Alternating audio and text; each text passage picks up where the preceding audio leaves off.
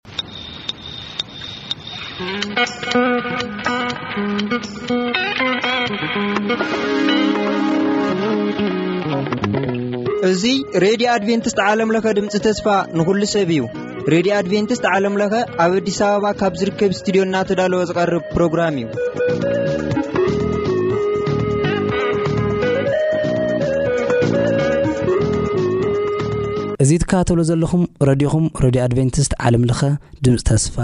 ንኹሉ ሰብ እዩ። ሕዚ እቲ ናይ ሕይወትና ቀንዲ ቁልፊ ዝኾነ ናይ እግዚኣብሔር ቃል ምዃኑ ኩላትኩም ኣይትዘንግዕዎን። እስቲ ብሓባር እነዳምጽ።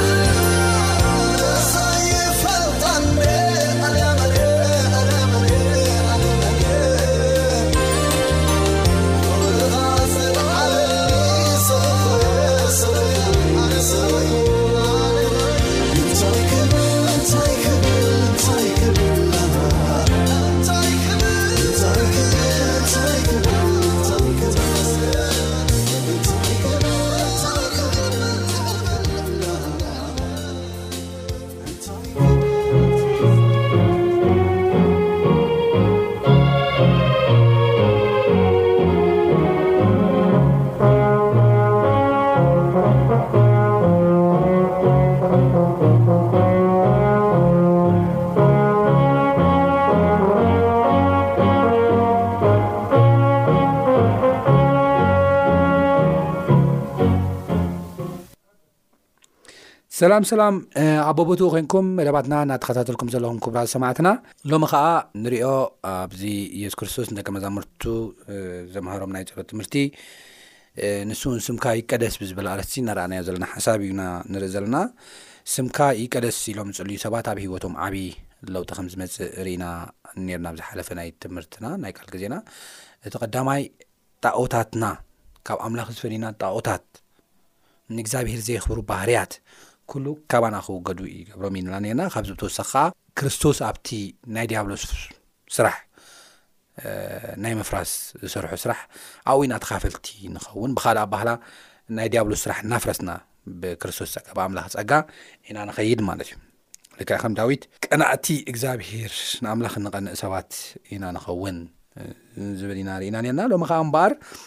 ናይ መወዳእታ ክፋል ስምካ ይቀደስ ብዝብል ኣርእስቲ ናይ መወዳእታ ክፋል ክንርኢና ማለት እዩ እዚ እንታይ ኢና ንርኢ ስምካ ይቀደስ ዝብል ጸሎት ክንጽሊ ከለና ኣብ ህይወትና እቲ ብዋናነት ኣብዚ ዓለም እዚ ዝፈታተነና ካብ ከንቱ ዝኾነ ድኻምን ተስፋ ሞራፅን ኢና ንድሕን ዓለም ሎሚ ኣዝያ ውስብስብ ዝኾነ ነገራት ካብ ምህላው ዝተላዕለ እንታይ ኮይና ዘላ ናብ ጥፍኣት እያ ተቐሪባ ዘላ ብዙሓት ሰባት እውን ኣብ ተስፋ ምቑራፅን ኣብ ከንቱ ዝኾነ ድኻምን ተፀሚዶም ኢና ንርኢ ማለት እዩ ቀለል ዘይበሃል ሰባት ማለት እዩ ስለዚ ስምካይ ቀደስ ኢልና ክንፅሊ ከለና ግን ካብዚ ነገር እዚና ንድሕን ዋይ ንምንታይ ተኢልኩም ሽም እግዚኣብሄር ስለ ንፈልጥ እዩ ፅድቂ ምስራሕ ኣይንደልዮን ኢና ምክንያቱ እቲ ሽም እግዚኣብሄር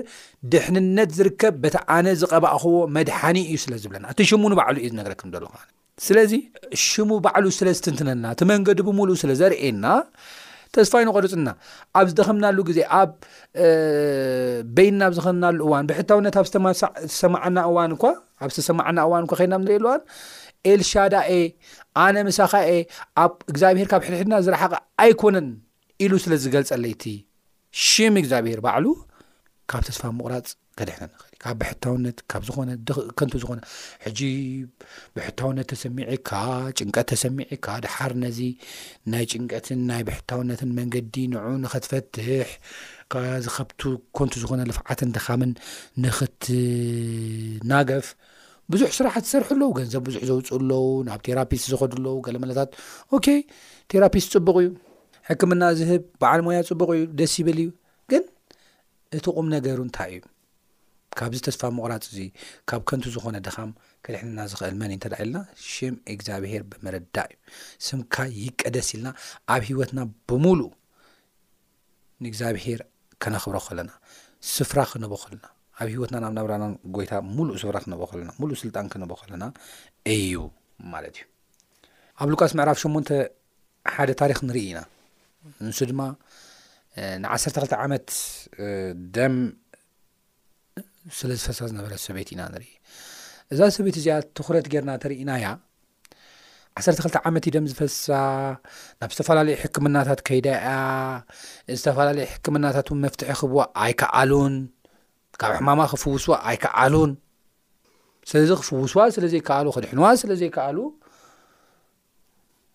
ምንም ዝግበር ነገር ኣይነበረን ንሳ ግን ኣምላኽ ምእማና ኣይገደፈትን እዩ ዝብለና ብጣዕሚ ዝገርም ነገር እዩ ናይ ኣምላኽ ተስፋ ብሓይልን ብሓቅን ትጻበ ከም ዝነበረት እቲ ምድሓን ኣምላኽ ከኣ ትደሊ ከም ዝነበረት ሽሙ ሽም እግዚኣብሔር ድማ ኣብ ሂወታ ትቕድሶ ከም ዝነበረት ሙሉእ ብምሉእ ሂወታ ከዓ ንእግዚኣብሔር ቀዲሳ ትህብ ከም ዝነበረት እዩ ነገረና ማለት እዩ እዚ ነገር እዚ ከዓ ካብ ተስፋ ምቑራፅን ካብ ከንቱ ዝኾነ ድኻምን ልፍዓትን ከም ዘናገፋ ኢና ንርኢ ማለት እዩ ስለዚ ሓደ ነገር ተረዲኣ ናብ ጎይታ ምቕራባ ንሱ ድማ እንታይ እዩ ነዚ ኣብ ሂወታ ዘሎ ሽግር ብሕታዊ መፍትሒ ዘለዎ እግዚኣብሄርን እግዚኣብሄርን ጥራሕ ምዃኑ ከም ዘለዎ ተረዲኣ ማለት እዩ ድሓር ልብሱ ከመይ ገይረ ክበፅሕ እሞ ደም ምፍሳስ ናይ ርክሰት ምልክት እዩ ርክሰት ዘለዎ ሰብ ከዓ ናብ ሰብ ክፅጋዕ ኣይክእልንእዩ እንኳን ኣብ እኩብ ሰብ ማእኸል ክኣቱ ናብ ሓደ ሰብ ኳ ክፅጋዕ የብሉን ኣይፍቀደሉን እዩ ቤተ መቕደስ እኳ ክትኣቱ ኣይፍቀደላን እዩ፣ ብጸግዒ በይና ኮይና ወይ ኣብቲ ደገ ኮይና እያ ተዳምጽ። ከይተርክስ ተባሂሉ እቲ ቤተ መቕደስ ከይተረክስ ተባሂሉ እቲ ቦታ ከይተርክሶም ኢላ ነቶም ሰባት ኣይተኣቱን ጭራሽ ኣብ ሽግርን ኣብ ስቃይን እያ ነራ ነገር ግን እዚ ሓዛብ እዚ ምስ ፈለጠት እግዚኣብሄር ጥራሕ እዩ እቲ ሽሙ ኣዝዩ ኣዘ ኣደናቂ ዝኾነ ጎይታ እቲ ፈዋሲ ያህዌ ራፋይ ዝበሃል ሽም ኣሎ ኣብ ብሉይ ኪዳን ኣብ ዘዛት መራፍ ዓሰርተ ያህዌ ራፋይ ዝኾነ ንሱ ጥራሕ ፈዋሲ ኢላ ብምእማን ናብ የሱስ ክርስቶስ መፅያ ልብሱ ወይ ድማ ክዳኑ ከም ዝተንከፈት ኢና ንርኢ ብኡ ከዓ እቲ ዝፈስ ዝነበረ ደም ከም ዝነቐፀ ወይ ከም ዝገደፎ ኢና ንርኢ ማለት እዩ ስለዚ ብኡ መማን ሓይልኻ እዩ ዝሕድስ ብኡ መማን እንደገና ክትለዓል እዩ ዝገብር ብኡ መማን ምድሓን ኣምላኽን ኣዝዩ ዘደነቕ ተግባር ጎይታን ኢኻ ንክትርኢ ዝገብር እሞ ስምካ ይቀደስ ኢልና ሽም እግዚኣብሔር ፈሊጥና ኣብ ሂወትና ክንቅድሶ ከለና ኣብ ሂወትና ዝመፅ ለውጢ ካብ ተስፋ ምቑራፅን ካብ ኣጉል ዝኾነ ከንቱ ዝኾነ ድኻምን ከድሕነና ይኽእል እዩ ወ መፅሓፍ ቅዱስ ኣብ ግብረ ሃራት ምዕራፍ ኣርባዕተ ፍቕዲ ዓሰርተ ክልተ ከም ዝብል ቃል ንርኢ ኢና ንሱ ድማ ብዛዕባ ምድሓን ብፍላይ ኣተኪሩ እዩ ዝዛረብ ዝጥቕስ እዚ ከምዚ ይብል ብኡ ክንድሕን ዝግባእ ካልእ ስም ኣብ ትሕቲ ሰማይ ንሰብ ኣይተዋህበን እሞ ምድሓን ብሓደ ካልእ ከቶ የልቦን ምድሓን ዘሎ ካብ ሓጢኣት ምንጋፍ ዘሎ ካብ ጥፍኣት ካብ ዘለኣለም ሞት ምድሓን ዘሎ ብክርስቶስ የሱስ ጥራሕ እዩ በቃ እዚ ከዓ እቲ ሽሙ ይነግረና እዩ እሞ ናብ የሱስ ክርስቶስ ክንቀርብ ከም ዘለና ልክዕ ከምዛ ሰበይቲ እዚኣ ወላ ብዙሕ ዕንቅፋታት ተሃሎ ከመይ ገይረ ክቐርብ ዝብል ሕቶታት እኳ ብዙሕ ኣእሙራና ተመፅና ብድፍረትን ብእምነትን ግናኡ ክንቀርብ ከም ዘለና እዩ ዝነግረና ማለት እዩ ኤርምያስ ኣብ ኤርምያስ መራፍ 17 ፍቕዲ 5 ክሳብ 8 ነዚ ኩሉ ንብሎ ዘለና ሓሳብ ሕፅር ብዝበለ ቃል ገሊፅዎ ይርከብ ኤርምያስ መራፍ 17 ፍቕዲ 5 ክሳብ 8 እግዚኣብሔር ከምዚ ይብል ኣሎ ኣብ ሰብ ዝውከል ቅልፅሙ ከዓ ኣብ ስጋ ዝገብር ብልቡ እውን ካብ እግዚኣብሔር ዝርሕቕ ሰብ ርጉም እዩ ንሱ ኸም ንቑጽ ቈጥቋጥ ኣብ በረኻ እዩ፣ ኣብ ምድሪ ኣጻምእ፣ ኣብ ምድረ በዳ፣ ኣብቲ ሓደ እኳ ዘይነብሮ ምድሪ ጨው ይነብር እሞ፣ ጥዑም ምስ መጸስ ኣይርእዮን። ኣብ እግዚኣብሄር ዚውከል፣ ትጽቢቱ ኣብ እግዚኣብሄር ዚገብር ሰብ ብሩኽ እዩ። ንሱ ኸምቲ ኣብ ጥቓ ማይ እተተኽለት ሱራ ኣብ ሩባ ኣቢሉ ዚሰፍሕ ኦም እዩ፣ ዋዒ እንተ መጸ ኣይትፈርህን፣ ቈጽላ ኸኣ ለሚዑ ይነብር ይብለና። ንሱ ከምታ ኣብ ጥቓ ማይ እተተኽለት ሱራ ኣብ ሩባ ኣቢሉ ዝሰፍሕ ኦም እዩ፣ ዋዒ እንተ መጸ ኣይትፈርህን፣ ቆጽላ ኸኣ ለሚዑ ይነብር ይብለና። ብዓመት ድርቂ ኣይተንክርን፣ ካብ ምፍራያ እውን ኣይተቋርጽን ይብለና። ስለዚ ኣብ ሰብ ክንውከል የብልናን፣ ኣብ እግዚኣብሔር ክንውከል ኣለና። እዚ ኣብ እግዚኣብሔር ክንውከል ከለና ተስፋ ምቑራጽ ዝበሃል የለን፣ ከንቱ ዝኾነ ዝኻም እውን የለን ማለት እዩ እሞ ብእግዚኣብሄር ክንእመን ሽሙ እውን ኣብ ልብና ክንቅድሶ ይግባእ እዩ ስለዚ ሽምካ ይቀደስ ኢልና ክንፅሊ ከልና ማንም ከም እግዚኣብሄር ከምዘየለ ማንም ከም እግዚኣብሄር ከምዘየለ መፍትሒ ከዓ ኣብኡ ጥራሕ ከም ዘሎ ብምማን መፍትሒ ካብ ዘይኮኑ ነገራት ኣዒንትና ኣልዒልና ብኡ ጥራሕ ክንእመን እግዚኣብሄር ፀጉ የብዝሓልና ክብል ፈቱ ምዝ ተሒዙ ምዝ ተሒዙ ሓደ ሓሳብ ናይ መወዳእታ ክበኩም ዝደሊ እንታይ እዩ ስምካይ ቀደስ ኢልና ክንፅሊ ከልና ካልእ ኣብ ሂወትና ከዓ ዝመፅእ ነገር ኣሎ ንሱ ድማ እንታይ እዩ ካብ ናይ እግዚኣብሄር ቅድስና ክንካፈል ይረድኣና እዩ እግዚኣብሔር ቅዱስ እዩ መላእኽቲ ቅዱስ ቅዱስ ቅዱስ ቅዱስ እናበሉ እዮም ዘምልኽዎ ዝሰግድሉ ስለዚ ካብዚ ቅዱስኑ ሓጢኣት ዘይትንክፎ ዓመፅ ዘይትንክፎ ተንኮል ዘይትንክፎ ንፁኽ ኣምላኽ እዩ ስለዚ ካብዚ ኣዝዩ ዝገርም ማንነቱ ክንካፈል ይረድኣና እዩ እግዝኣብሄር ሽሙ ቅዱስ እዩ ይብለና መጽሓፍ ቅዱስ ኣብ ዝተፈላለየ ቦታታት ክንርኢ ከለና ማለት እዩ ስለዚ እግዚኣብሄር ኣቦና ምዃኑ ክንኣምን ከለና እቲ ዋና ኣብ ሂወትና ዝረኣይ ናይ እግዚኣብሔር ማነት ሓደ እንታይ እዩ ቅዱስኒ እዩ ጎሊሑ ዝረኣየ መፅሓፍ ቅዱስ ብፍላይ ክንረኢ ከለና ማለት እዩ እሞ ቅዱስንኡ ዝገልፀሉ መንገዲ ከዓ እንታይ እዩ ነቶም ደቁ ወይ ድማ ነቶም ሰዓብቱ ብምቕዳስ እዩ ቅዱስኑ ዘርኢ እቲ ሓደ መንገዲ ማለት እዩ ንዑ እዩ እግዚኣብሔር ኣምላኽኩም ቅዱስ ከም ዝኾነ ንስኻትኩም እውን ቅዱሳን ኩኑ ዝብለና ምክንያቱ እቲ ናትና ቅድስና ናይ እግዚኣብሔር ቅድስና ብንእሽተ እዩ ስለ ዘርኢ እዩ ማለት እዩ እስራኤላውያን ካብ እቲ ቅዱስ ኣምላኽ ዝተላዕለ ቅዱሳን ህዝቢ እዮም ነይሮም ነገር ግን እግዚኣብሔር ካብቲ ዘስመረሎም መስመር ካብቲ ዝሃቦም መንገዲ ጥሒሶም ክኸዱ ከለዎ ግን እግዚኣብሔር ይሕዝኑን ይጠፍኡን ከም ዝነበሩ መፅሓፍ ቅዱስ ይዛረበና እዩ ማለት እዩ እሞ በዚ መልክዕ ምስ ካልኦት ክተሓዋወሱ ከለዉ ከመንዝሩ ከለዉ ምስ ኣህዛብ ድማ ክጥመቑ ከለዉ ኢና ንርኢ ማለት እዩ እስከኤል ምዕራፍ 36 ፍቕዲ 20 ንኣብነት እንተ ደኣ ርኢና ሲ እቶም ብሽሙ ዝተቐደሱ ህዝቢ ብከምዚ ዓይነት እቲ ናይ እግዚኣብሔር ቅድስና ከርክሱ ከለዉ ኢና ንርኢ ማለት እዩ ብዛዕባኦም ከኣ እዚኣቶም ያኢ ህዝቢ እግዚኣብሄር እዮም፣ ካብ ሃገሩ ወጺኦም እናተባህለስ ኣብ ዘዝኣተዎ ኣህዛብ ምስ በጽሑ ነቲ ቅዱስ ስመይ ኣርከስዎ። ነቲ ቅዱስ ስመይ እንታይ ገበርዎ? ኣርከስዎ። ብኸመይ ኣርኪሶሞም? መጽሓፍ ቅዱስ ክዛረበና ኣነ ግና ናብ ቤት እስራኤል ዝኣተኹዎ ህዝብታት ዘርክስዎ ቅዱስ ስመይ ንሓፍክዎ። ስለዚ እግዚኣብሔር ኣምላኽ ከምዚ ይብል ኣሎ ኢልካ ንቤት እስራኤል ንገሮም። ኣቱም ቤት እስራኤል እዚ ምእንቲ ኣብቲ ኣብ ዝኣተኹምዎ ህዝቢ ዘርከስኩምዎ ቅዱስ ስመይ እየ እምበር ምእንታኹም ኣይኮንኩን ዝገብሮ ዘለኹ፣ እግዚኣብሄር ሰናይ ዝገብሮ ነገር ማለት ስለ ስሙ እናበለ ክቕጽል ከሎ ኢና ንርኢ። እቶም ሰባት ግን ጣዖታት ምምላኽ ንእግዚኣብሄር ብዘይ ምእዛዝ እግዚኣብሄር ዘይፈትዎ ነገር ብምግባር ሽሙ የርክስዎ ከም ዝነበሩ እዩ መጽሓፍ ቅዱስ ዝዛረበና ማለት እዩ። ብዝኾነ ንሕና ዝተጸዋዕናዮ ናይ እግዚኣብሄር ቅድስና ንኸነርኢ እዩ። ክርስትያናት ኮይና ብክርስቶስ ኣሚንና እንተድኣ ዘይንቕደስ ኮይና ናይ እግዚኣብሄር ስም ኢና ነርክስ፣ ናይ እግዚኣብሄር ስም ኢና ብኻልእ ነጸውዕ ማለት እዩ። ኣብ ዳንኤል ምዕራፍ ሰለስተ ዘሎ ሰለስተ ኣዕሩኽቲ ዳንኤል፣ ሲድራቅ፣ ሚሳቅ፣ ዓብደኔጎ ዝበሃሉ ኣዕሩኽቱ ክንርኢ ንኽእል ኢና። እዞም ኣዕሩኽቲ እዚኦም እንታይ እዮም ገይሮም? ዓብዪ ምስሊ መፅዩ እዚ ምስሊ እዚ ከዓ ንብኳድናዞር ዘቐሞ ምስሊ ስገዱ ዝብል ፃውዒት ድማ ከም ዝመፀ ኢና ንርኢ እዚ ፃውዒት እዚ ምስ መፀ ግን ሲድራ ሚሳቅ ዓብደኔጎ ነቲ ዘቐምካዮ ምስሊ ክንሰግድ ኣይኮነልናን እዩ ኢሎም ደው ከም ዝበሉ ኢና ንርኢ ነገር ግን፣ እቶም ኣብኡ ዝነበሩ ኻልኦት እስራኤላውያን እውን ነይሮም ኪዀኑ ይኽእሉ እዮም፣ ብርግጸኝነት ንኸይጠፍኡ፣ ንኸይሞቱ፣ ኣብቲ ተዳልዩ ዝነበረ ናይ ሓዊ እቶን ንኸይቃጸሉ እቲ ኢሎም ግን እንታይ ከም ዝገበሩ ኢና ንርኢ፣ ከም ዝሰገዱ ኢና ንርኢ። ስለዚ እቶም ህዝቢ እስራኤል ነቲ ንቡካድናጻር ዘቘሞ ምስሊ ዝሰገዱ ንእግዚኣብሄር ኣኸበሩን ሽም እግዚኣብሄር እዮም ኣርኪሶም ሲድራ ሚድራቅ ኣብ ደኔጎ ግን ፍልይ ብዝበለ ጸኒዖም ዶ ምባሎም ነቲ ኣብ ቅድሚኦም ዘሎ ናይ እቶን ሓዊ ድማ ብዘይምፍርሆም ናይ እግዚኣብሄር ሽም ከም ዝቐደስዎ ከም ዘኽብርዎ ኢና ንርኢ እግዚኣብሄር ድማ ነቲ ሽሙ ዝቕድስዎን ዘኽብርዎን ሰባት ንሱ እውን እንታይ ገብሮም እዩ የኽብሮምን ይድሕኖምን እዩ ናብ እቶን ሓዊ ተደርብዮም እዮም ነገር ግን ካብ እቶን ሓዊ ኣድሒንዎም እዩ ናብ እቶን ሓዊ ተደርብዮም እዮም ነገር ግን ተዋሪዶም እዮም ነገር ግን እግዚኣብሄር ልዕሊ ኩሉ ከም ዘኽበሮም ኢና ንርኢ ምጎሳ ከም ዝሃቦም ኢና ንርኢ ማለት እዩ ማንም ሰብ ዘይረኸቦ ምጎሳ ማለት እዩ እሞ ንሕና እውን ንእግዚኣብሄር ከነኽብር ከም ዘለና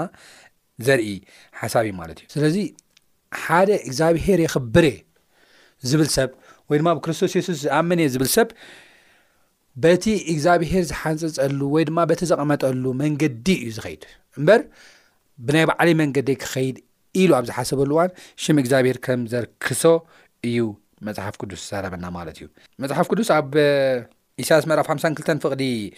11 ከይናም ንርእየሉ እዋን እንታይ ይብለና ተፈለዩ እዩ ዝብለና ተፈለዩ ተፈለዩ ካብቲ ርኹስ ዝኾነ ነገር እንታይ ግበሩ ውፁ ነቲ ርኹስ እውን እንታይ ኣይትግበሩ ኣይተንክፉ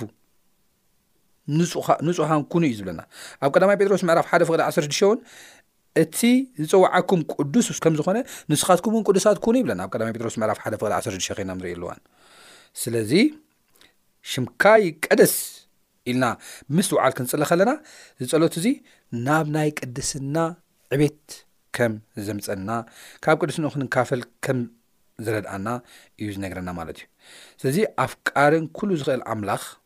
ከምኡ ዝበለ ኣምላኽ የለን ከም ጎይታና ዝኣመሰለ ኣምላኽ የለን ፍሉይ ቅዱስ ኣምላኽ እዩ እግዚኣብሔር ኣምላኽና ከነመስግኖን ክንሰግደሉን ይግባእ እዩ ምንም እኳ ሰይጣን እዚ ሓቂ እዚ ካብ ሕልናና እንተጋረዶ ንኸይንሪኦን ንኸይነስውዕሎን ኩሉ ግዜ ድማ ይፈታተነናን ካባና ክደቃ ክኽብሎ ተፈተነን እዚ ክንኪ ክብሉ ኣይክእልን እዩ ካብ ደቂ ሰባት ከዊሉ ብርክሰት ክመላለሱ ወላ ክገብሮም እኳ እንተፈተነ ሽም እግዚኣብሔር ግን ሕጂ እውን ቅዱስ እዩ ኣምላኽና ፍሉይ እዩ ዝለዓለ እዩ እሞ ሽም ኣምላኽና ቅዱስ ምዃኑ ተረዲእና ንሕና እውን ቅዱሳን ክንከውን ከነኽብሮ ብቕድስና ክንመላለስ ከም ፍቓዱ ክንመላለስ እግዚኣብሔር